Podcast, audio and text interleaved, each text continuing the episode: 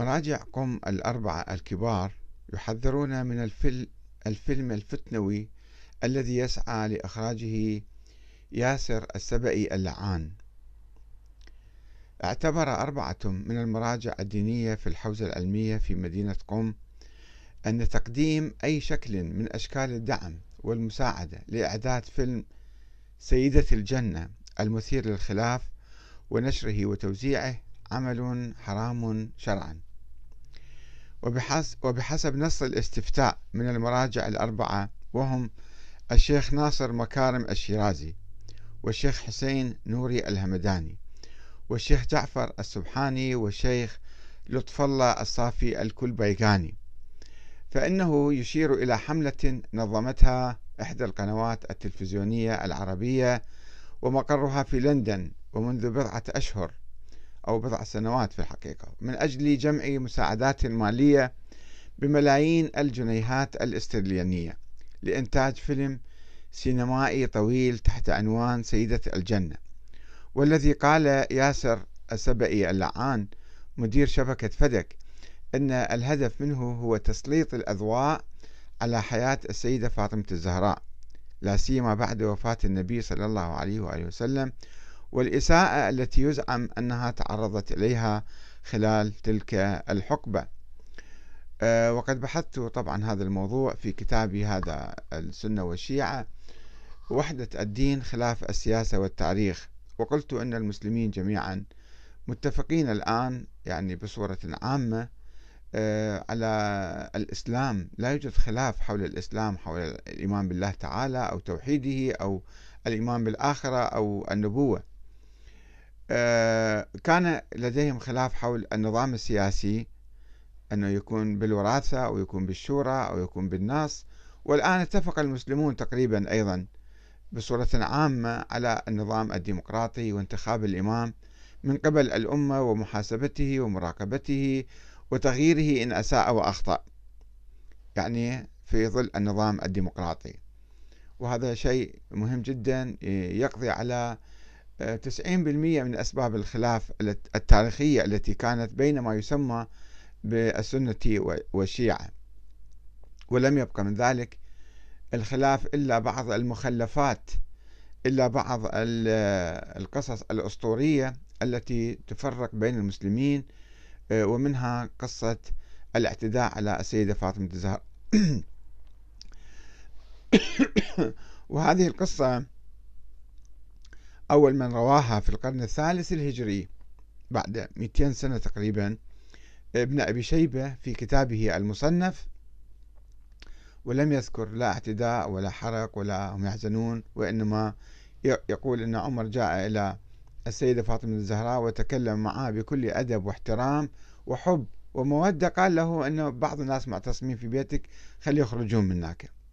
وهي رواية أحد واحد عن واحد عن واحد عن واحد بعد 200 سنة في القرن الثالث الهجري وأن هذه القصة تطورت في القرن الثالث وفي القرن الرابع إلى أن جاء كتاب موضوع مزيف مختلق في القرن الرابع الهجري وهو المعروف كتاب سليم بن قيس الهلالي الذي يضعفه الشيخ المفيد وعلماء الشيعة الإمامية الاثنى عشرية ويقول هذا الكتاب يروي قصة فيلم هندي عن كيفية آه، الهجوم على السيدة زهراء وحرق بابها وعصرها بين الباب والحائط والحائط والباب بمسمار وأسقطت جنينها وكسر ضلعها ومسوين قصة طويلة عريضة من لا شيء أسطورة من لا شيء.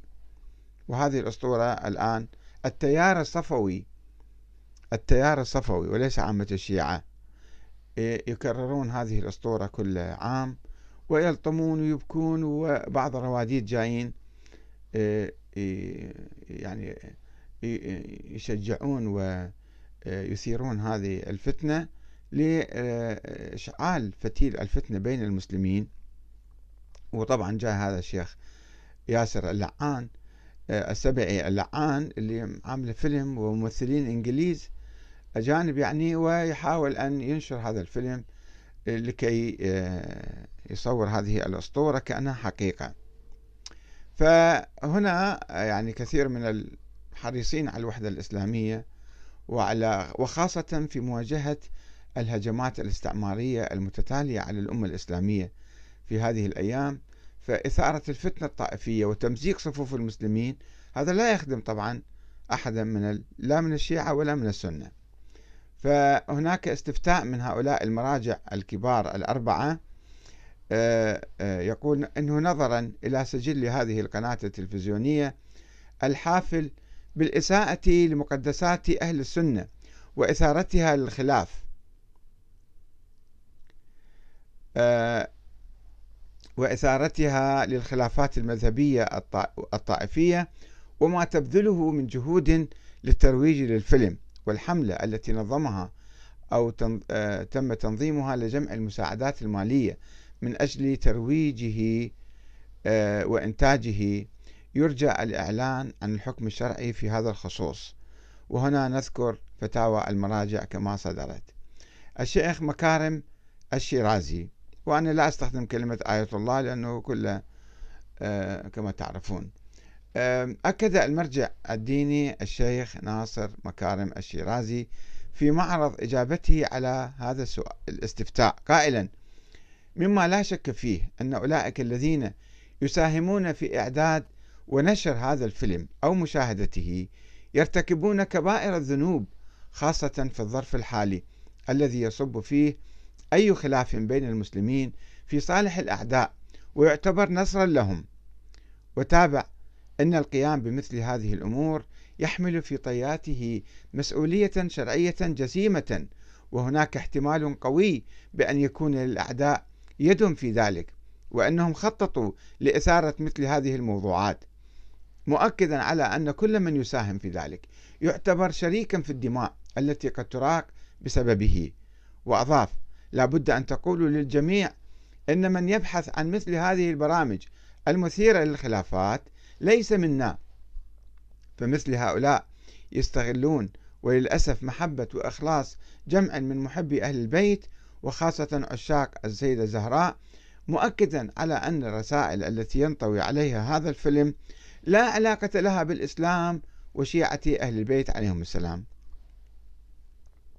الشيخ نوري الهمداني آه، آه، قال ردا على هذا الاستفتاء نحن ضد هذه الأنشطة ولا نعتبرها أبدا لصالح الإسلام ونرى في أي مساعدة أو إبداء أي اهتمام أو مشاهدة للفيلم حراما وخلافا للشرع.